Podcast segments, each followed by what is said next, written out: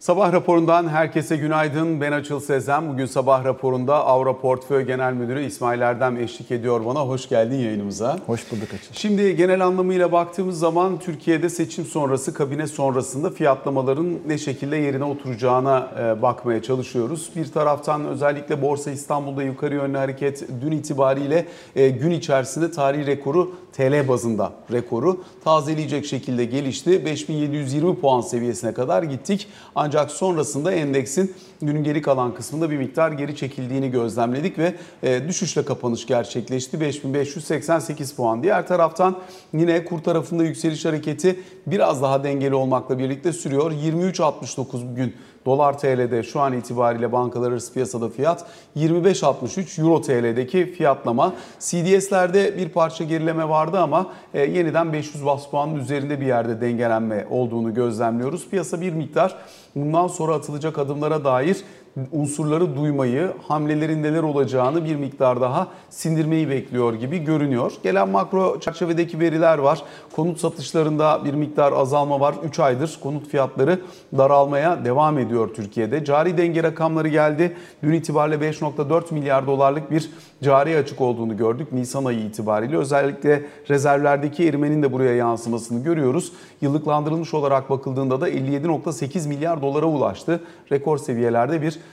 cari açıktan bahsediyoruz. Bunu da söylemiş, değerlendirmiş olalım. Diğer yandan asgari ücret görüşmeleri bugün itibariyle başlıyor. Bu konuyla ilgili olarak atılacak olan adımlar bir asgari ücretin düzeyi, iki işveren desteğinin ne kadar devam edeceği gibi soru işaretleri de gündemde kalmayı sürdürüyor. Uluslararası piyasalara baktığımızda Amerika'da teknoloji şirketleri üzerinden fiyatlamanın sürdüğünü, başta Oracle olmak üzere ki AI tarafında yaşanan gelişmelerin e, cloud computing, bulut bilişim tarafında ciddi gelir yazdırdığını Oracle'a. Bu çerçeveden yapılan fiyatlamayla teknoloji endeksini yukarı ittiğini görüyoruz bugün vadeli işlemlerde Nasdaq cephesinde. Diğer taraftan Çin'e gittiğimizde ise bir faiz indirimi var. Geçtiğimiz hafta büyük bankalarda şimdi piyasanın geneline yayılacak şekilde ekonomiyi bir miktar daha destekleyecek adımlar, hamleler geliyor. Çin Yuan'la şu anda baktığımızda 6 ayın en düşük seviyesine kadar gelmiş, en zayıf seviyesine kadar gelmiş durumda Yuan. Bununla birlikte 10 yıllık tahvil faizi içinde Ekim ayından bu yana en düşük seviyesini gördü. Dolayısıyla hem yurt içinde hem yurt dışında dikkate değer maddeler var. Bugün Amerika'dan tüketici enflasyonu rakamı gelecek. Özellikle yarınki FED toplantısı öncesinde bunun seviyesi de belirleyici önemli unsurlardan bir tanesi olacak. Piyasanın genel beklentisi bu toplantıda durup faiz artırımlarına daha sonra ihtiyaç olması halinde devam edileceği yönünde. Ekonomi hala canlılığını belli noktada koruyor. Bununla ilgili bu haftanın sonuna kadar Fed açıklamaları ile birlikte daha fazlasını duymayı ümit ediyor piyasa oyuncuları. Biz şimdi İsmail Erdem'le bu ufuk e, turunu attıktan sonra sohbetimize bir miktar başlayalım iç gündemle. Özellikle e, mevduat faizlerine baktığımız zaman 40'ların üzerine geldiğini gözlemliyoruz. Piyasada yabancı katılımı şu an itibariyle yok diyebiliriz yine. Ee, biraz daha kendi iç dinamikleriyle giden bir borsa İstanbul'da. Ee, özellikle seçim sonrası kabinenin açıklanması, Merkez Bankası ataması derken piyasa olumluyu fiyatlayarak TL bazında rekora kadar geldi. Ama kur da çok gittiği için dolar bazında hala e, nispeten zayıflığı bir miktar daha devam ediyor gibi görünüyor. Nasıl görüyorsun Borsa İstanbul'daki e, TL bazlı rekor seviye ve bunun devamını? Bu bir dünkü ara realizasyon olarak mı görmek lazım? Daha yukarı potansiyel görüyor musun? Faizin bu kadar yüksek olduğu ortamda.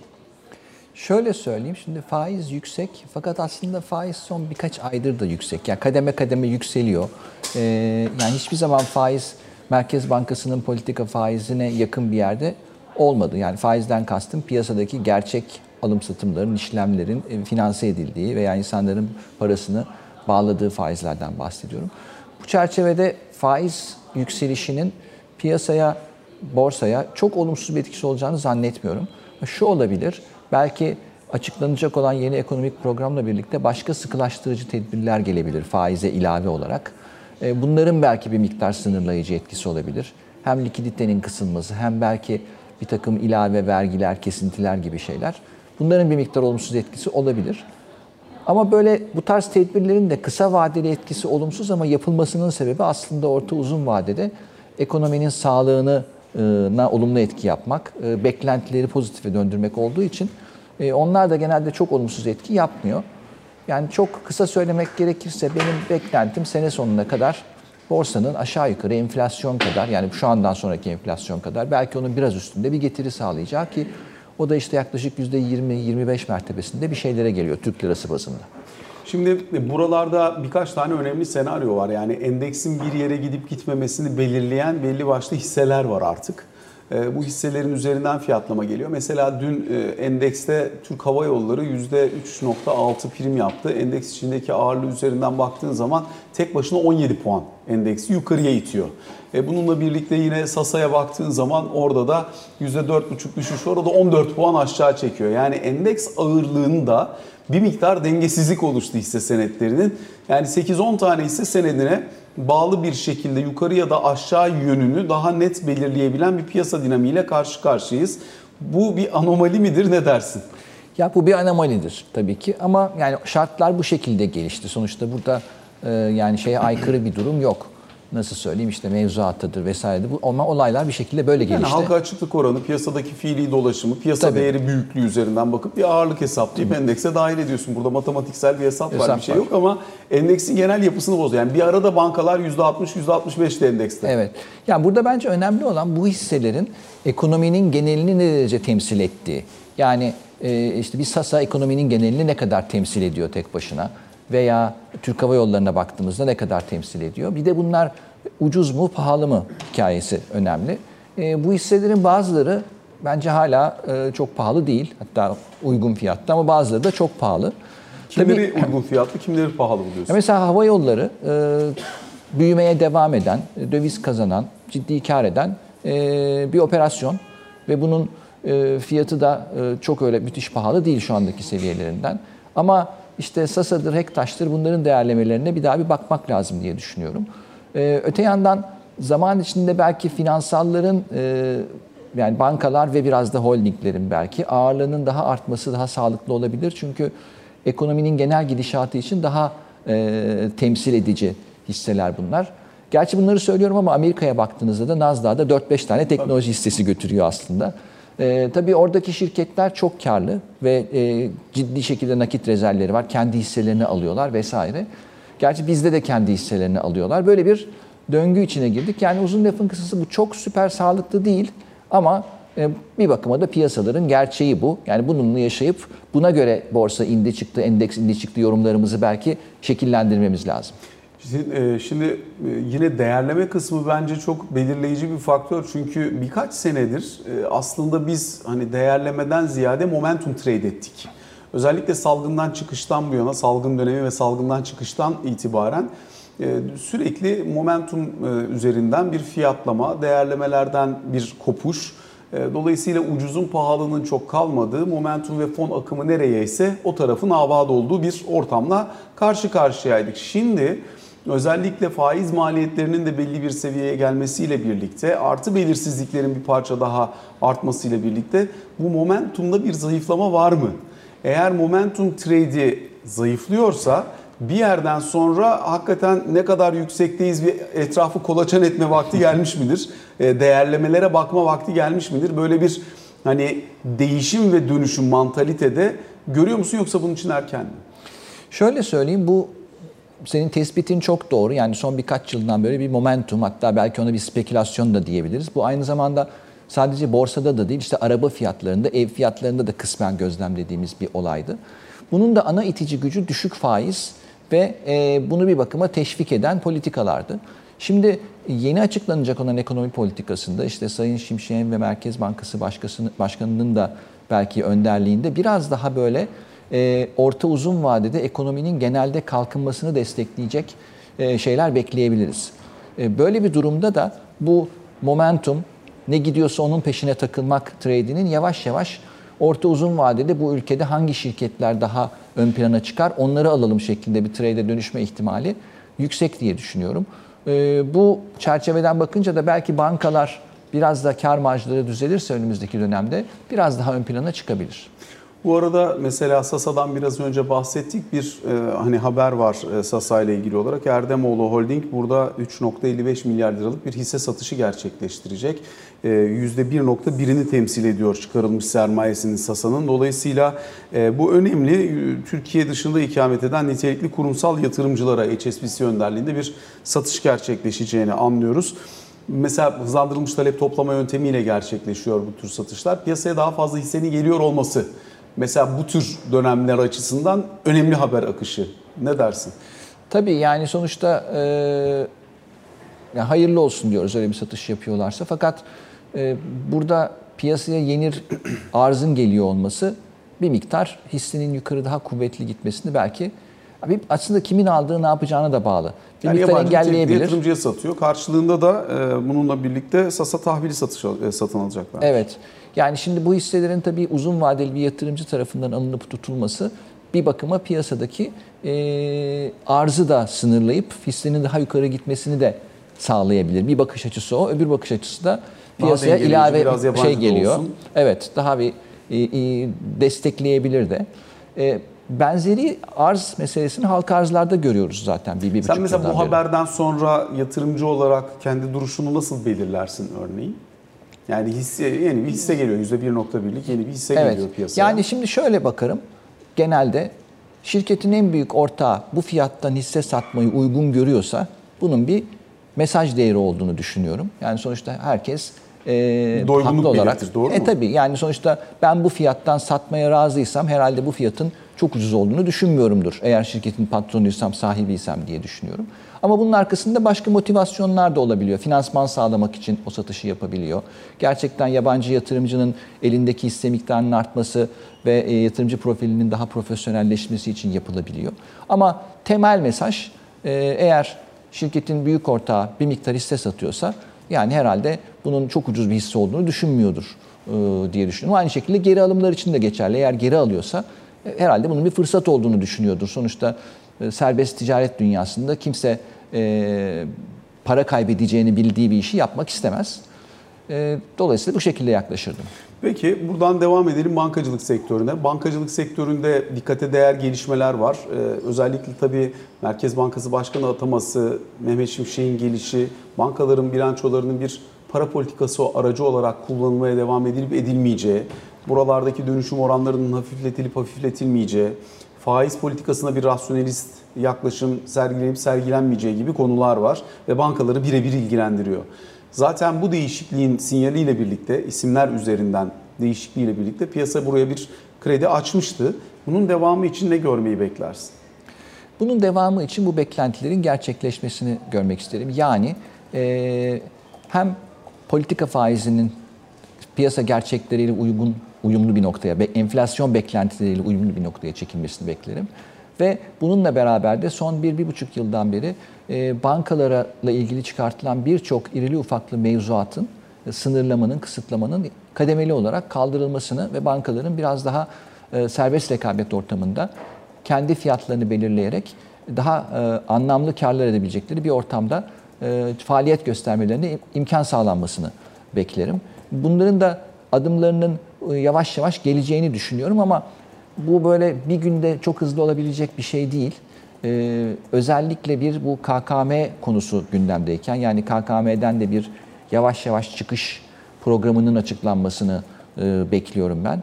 Ee, bir de tabii gene bir 7-8 ay sonra, 8-9 ay sonra seçimler var önümüzde. Ee, o seçimlerden önce de böyle çok radikal ekonomiyi çok o, daraltıcıya etkileri olabilecek tedbirlerini alacağını zannetmiyorum.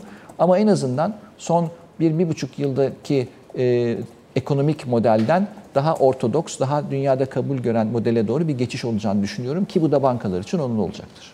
Burada öne çıkan bir banka var mı senin açından? Bir tabii kamu bankalarını ayırarak konuşmak lazım. İki özellikle büyük bankaların, özel bankaların bilançolarında da birbirinden daha farklı yapılar var şu anda.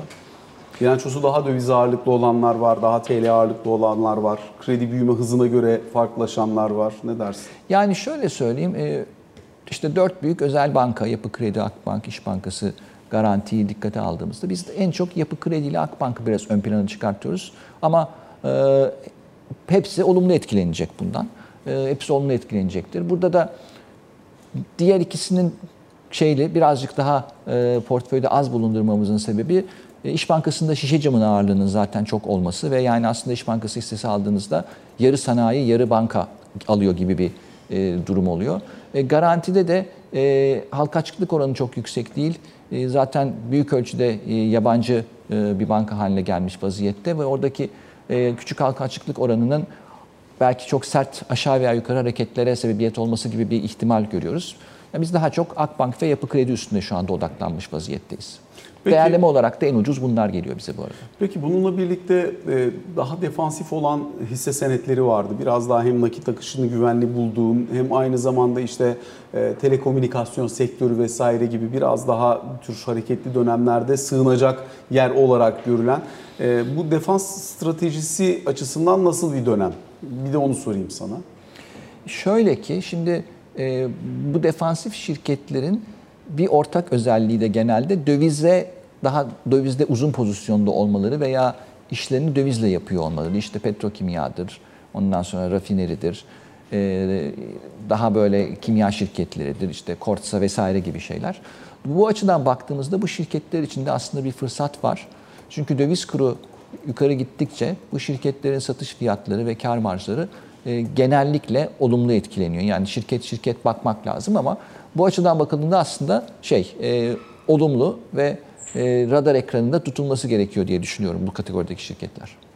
Diğer taraftan kuru da sormak istiyorum sana. Çünkü orada e, özellikle yeni kabine açıklandıktan sonra piyasada fiyat kendi kendini bulabilsin diye bir günlük bir e, kamunun piyasadan çekildiği bir gün gördük. O gün de %7 civarında bir hareket oldu. Dolayısıyla e, beklenenin de biraz üzerinde gerçekleştiğini anlıyoruz oradaki talebin. Dolayısıyla şimdi tekrar piyasaya e, kamunun girdiğini gözlemliyoruz. Buralarda daha dengeli, daha zamana yayılmış bir serbestleşme olacağını tahmin ediyoruz. E, şimdi bundan sonrasını nasıl okumak gerekir? Özellikle kurun geldiği yer dikkate değer bir yer ve yılbaşından bu yana %20'nin üzerine geldi kur hareketi. Önemli bir kısmı da son e, bir hafta 10 günlük periyotta gerçekleşmek suretiyle daha yukarı potansiyel görüyor musun? Yani enflasyona paralel belki enflasyonun bir miktar daha üstünde kurda bir artış olabilir. Ee, özellikle kamu satışlarının azalmasıyla birlikte ve ekonominin biraz daha kendi akışına bırakılmasıyla birlikte. Tabii e, büyük ihtimalle yeni açıklanacak olan ekonomik program cari açığı da kısmaya e, yönelik ciddi adımlar e, ve tedbirler e, barındıracaktır içerisinde. Bunun da kurdaki çok yukarı gitme baskısını e, azaltacağını tahmin ediyorum. E, bir de tabii bu kur korumalı mevduat olduğu için kur korumalı mevduat malum kur yukarı gittikçe kamunun üstünde ciddi bir Türk lirası maliyet yüklüyor. E, Bundan dolayı da politika yapıcıların programı belirlerken kurun çok da fazla yukarı gitmesini engelleyecek adımlar atacağını tahmin ediyorum. Bence burada enflasyon beklentisi çok önemli. Yani önümüzdeki senenin artık 2023'ü büyük ölçüde ortasına geldik. 2024 enflasyon hedefinin e, gerçekten düşük bir şey olarak belirlenmesi ve bu hedefe ulaşılacağına dair inandırıcı adımlar atılması durumunda kur da bir miktar dizginlenebilir diye düşünüyorum. Şimdi enflasyonist etkiden bahsettin özellikle kurdaki sıçramanın enflasyonist etkisinden. Ee, ithal ürünlerde bunun etkisini çok doğrudan görmeye başladık. Nerede gördük? İşte telefon fiyatlarından tut otomobil fiyatlarına, beyaz eşyaya kadar çok hızlı bir şekilde silsile şeklinde yeri gelmeye başladı. Bunun ikincil etkilerini işte gıdaydı, diğer unsurlarda, ithal olan diğer ürünlerde bunun üzerinden de görmeye başlıyoruz. Yani sadece aradaki bir hafta 10 günlük ara dönemde bile kur kendi enflasyonunu maliyet üzerinden doğrudan yaratabildi. Bu ortamda beklentiyi neye göre çıpalamak lazım? Çünkü hem yatırımcı olarak kendi ufkunu belirlerken bakıp bir yere odaklanman gerekiyor. Orası neresi olacak, neyi kerteriz alacağız. İkincisi de mesela faiz hadleri şu an itibariyle geldiği yer itibariyle piyasada yeterli mi değil mi? Yatırımcı gözüyle yeterli mi değil mi? Çünkü 40'lar civarında bir dengelenme var ama enflasyon daha yukarıya gitme potansiyeli barındırıyorsa ki bu hareketler biraz onu gösteriyor. O zaman e, orada da daha yukarı gidiş potansiyeli söz konusu olur mu? Yani burada yapılması gereken açıkçası e, açıklanacak olan programda kamunun hem Merkez Bankası para politikası hem de bütçe tarafından hem de diğer e, devlet tarafından belirlenen fiyatlar tarafında enflasyonu kararlı bir şekilde indirmek istediğini mesajını vermesi gerekiyor. Bunu geçmişte biliyorsun yaşadık. İşte 2000'lerin başında. Ondan sonra ikinci defa 2008'den sonra da oldu. Kararlı bir programla e, bu başarılabiliyor. Ama burada her şeyden önce devletin, hükümetin ve bütün birimleriyle e, örneğin işte 2024 yılında biz enflasyonu ona indireceğiz deyip e, fiyat artışlarını, maaş artışlarını, yeniden değerleme oranlarını hep bu hedef doğrultusunda bunu e, akılda tutarak belirliyor olması lazım. Yani eğer ilk başta zaten karar vericiler buna inanmazsa vatandaş hiç inanmıyor. Aksine vatandaş daha fazla speküle etmek için e, yollar arıyor e, muhtelif fiyatları. Burada temel bence açıklanacak olan program ve içindeki e, yer alacak olan tedbirler. Ne beklersin burada? Neyi görürsen hafiflemesini beklersin buradaki baskıyı? Bir kere faizin bir miktar yukarı çekilmesi. Ondan sonra... Bir miktardan kasıt? Yani 25 ve üstü herhalde ve tabii burada şu var beklenen enflasyonu hedefleyerek bir faiz politikasını işte belirlenmesi. Ben onu soracağım mesela yani 25 hani yabancı raporlarında falan da geçiyor ama yani 25'i sihirli bir seviye kılan şey nedir? Ya çok bir şey yok aslında. Şimdi elimizde çok fazla bir veri olmadığı için biraz varsayımlarla konuşmak zorunda kalıyoruz. Ancak şu var, e, seçime kadar çok likit, piyasaya para pompalayan ve insanların mutlu hissetmesini sağlayan bir politika uygulandığı için bundan sonra bir miktar frene basılır artık gibi bir beklenti var. E, bunu işte açıklanan programda göreceğiz. Ve enflasyon hedefi olarak da işte bu seneyi 40 gibi bir hedef koysak, o 40-45 neyse artık ki belki bu bile iyimser olabilir. E, seneye ama 2024 için 10-15 mertebesinde bir hedef koyup ve biz politika faizimizi işte 15 hedefliyoruz bundan 18 ay sonrası için. Politika faizimizi de 25'e çektik argümanı. E, fena bir argüman değil. Yani nispeten arkasında durulabilecek bir şey. Bununla birlikte tabii e, bir kere asgari ücret artışları, emekli maaşı artışları, ondan sonra e, kamunun belirlediği birçok fiyattaki artışın belli bir kontrol altına alınması gerekiyor. Bu da tabii kaçınılmaz olarak ekonomide bir miktar sıkılaşma, bir miktar büyümeden feragat etmeyi getiriyor. Ama bu yolun başka bir reçetesi de yok. Ee, benim beklentim belediye seçimlerine kadar bunun daha düşük dozda uygulanması, belediye seçimlerinden sonra biraz daha e, sert tedbirlerle uygulanması şeklinde. Peki e, o zaman bu noktada e, bir iletişim stratejisi oluşturulması beklenir büyük ihtimalle ki beklentiler doğru şekilde çıpalanabilsin. Birincisi tabii önümüzdeki hafta bir faiz kararı var. Dolayısıyla o faiz kararına kadar herhangi bir iletişim bekler misin Merkez Bankası'ndan? İki, tabii çok yeni yani hani e, yeni ataması oldu. Arkasından daha ekibiyle muhtemelen yeni tanışıyor ya da kendi ekibini yeni yeni oluşturmaya çalışıyor. Öte yandan yine bakanlık doğrudan Sayın Mehmet Şimşek de e, taraflarla görüşüyor. Bu hafta Cuma günü, e, Perşembe deniliyordu ama galiba Cuma günü olacağını duydum bilmiyorum.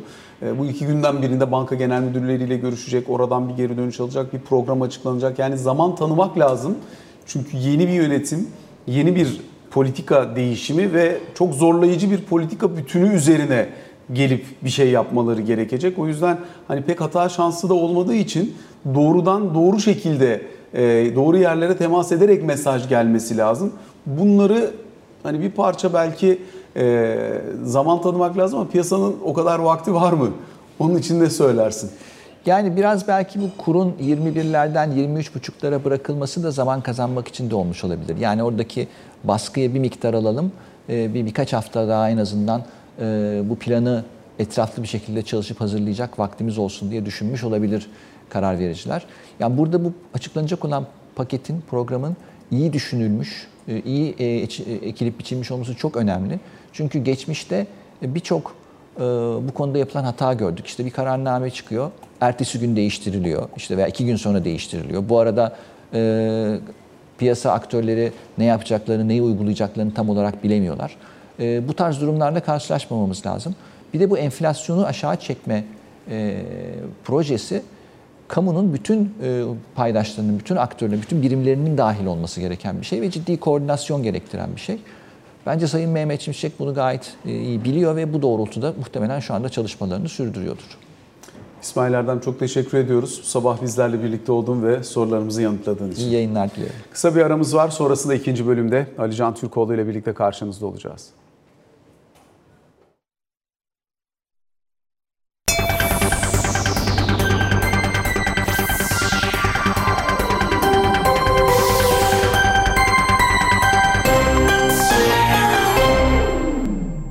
Sabah raporunun ikinci bölümüyle karşınızdayız. Alican Türkoğlu ile birlikteyiz bu bölümde. Alican günaydın. Günaydın.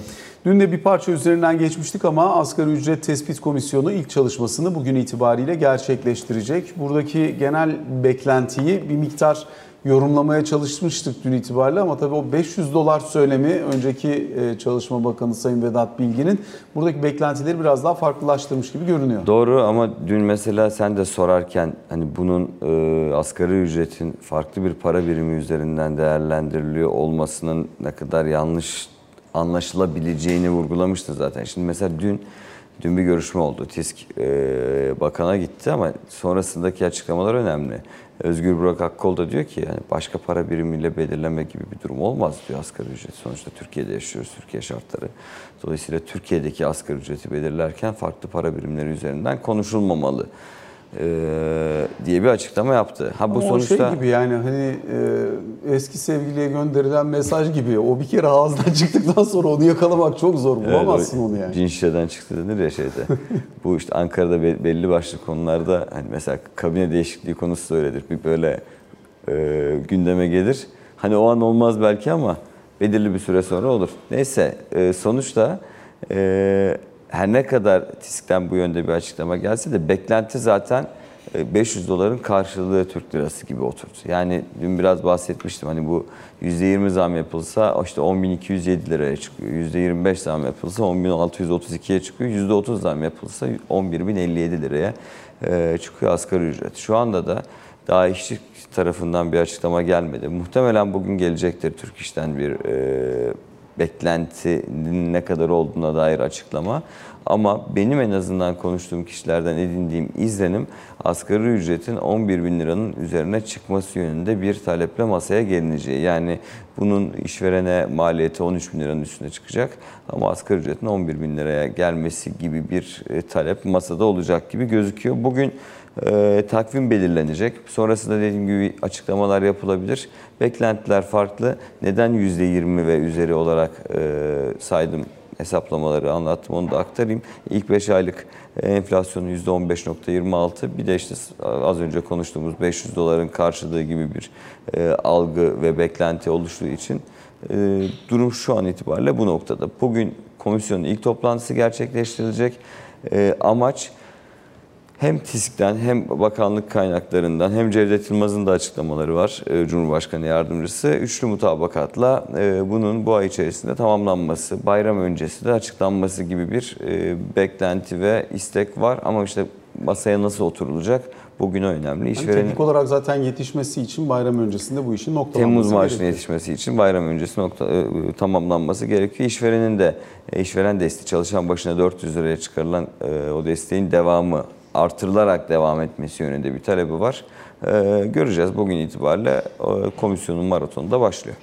Şimdi elbette bütün bunlar e, önemli çünkü bir tarafıyla da mesela emekli maaşlarına yapılacak olan zam da çok tartışılıyor, konuşuluyor. Orada da bir kademeli e, artış söz konusu olacak. Taban emekli aylığının yukarı çekilmesinden mütevellit belirli bir seviyeye kadar olanlar için belirli bir oran ara kademe için belirli bir oran, yüksek emekli maaşı alanlar için 7500 liradan bahsediyoruz. Evet. Yani 7500 liranın üstünde maaş alanlar için kademeli artış e, gündeme evet, gelecek. Işte 7500 ile 15 bin lira arası, 15 bin ile 20 bin arası, 20 bin lira üstü gibi ayrı bir kademeli artış söz konusu olabilir deniliyor. Ya evet bu da ne zaten çalışma hayatını ilgilendiren çok başlık var. İşte mecliste bunların tamamı konuşulacak. En düşük memur maaşının artırılması gündemdeydi. Emekli maaşlarıyla ilgili 7500 lira yani en düşük emekli maaşı olan 7500'ün üzerinde alanların kademeli artış konusu var.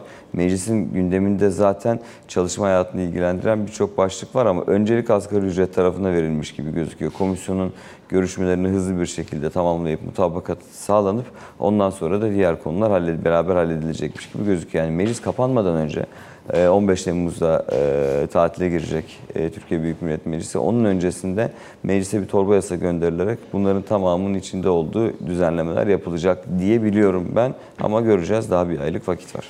Peki diğer taraftan NATO görüşmelerinin de devam ettiğini gözlemliyoruz. Orayla ilgili neler var elimizde? Normalde seçim öncesi yapılan açıklamalarda 12 Haziran'da yani dün bir görüşmenin olacağı e, konuşuluyordu. Ancak planlama yarına yapılmış. Yarın Ankara'da dörtlü bir görüşme olacak. Üçlü değil. Finlandiya'da olacak e, toplantılarda. E, NATO, e, Türkiye, İsveç ve Finlandiya'nın yetkilileri e, yarından itibar, yarın itibariyle tekrar toplantılara baş bir ara verilmişti. İşte seçim dönemi de vardı. Bu toplantılar gerçekleştirecek. Şimdi İsveç'in terörle mücadeleyle ilgili yasasında değişiklik yapması, hatta Türkiye'ye e, iade kararlar, kararı diyelim, kararları daha değil, Türkiye'nin beklentileri farklı ama e, bir kişiyle ilgili bir iade kararı alınmış, onaylanmış diye de biliyorum. E, bu süreçleri başlatması olumlu olarak değerlendiriliyor. Ama iki ana e, somut e, istek var Ankara'dan veya beklenti var, istek demeyeyim. Bunlardan birincisi e, bu iadelerin ta- talepler doğrultusunda sayısının artması, e, terör örgütü mensupları ile ilgili olarak. İki, özellikle İsveç'te izin verilen eylemlere artık izin verilmemesinin sağlanması. Bunlarla ilgili somut adım atıldığı görülürse onay verilecek. Ancak 11-12 Temmuz'daki NATO zirvesine yetişmeyebilir İsveç'in onaylık, e, İsveç'in üyeliğinin onaylanması. Ama e, Amerika Birleşik Devletleri'nden de NATO'nun genişlemesi ve özellikle İsveç özelinde dün açıklamalar geldi Blinken'dan. Avrupa ülkelerinden de geliyor. Düzenli olarak İsveç'ten açıklamalar, açıklamalar var zaten. Süreç olumlu ilerliyor, görüşmeler olumlu ilerliyor. Hani ilk başta İsveç olmaz ama Finlandiya olabilir diyor deniliyordu ki öyle oldu. İsveç'le ilgili olumsuzluk çok daha ön plandaydı. Şu anda bu böyle değil. Daha olumlu noktaya geldiğini söyleyebilirim İsveç İsveç'le ilgili sürecin. Ancak yarınki toplantıdan hemen sonra tamam Türkiye'de onaylıyor gibi bir açıklamanın yapılması için erken olduğunu söylüyor kaynaklar. Teşekkür ediyoruz Ali Can Ben teşekkür Aktardığım ediyorum. notlarla birlikte sabah raporuna son noktayı koymuş oluyoruz. Hoşçakalın.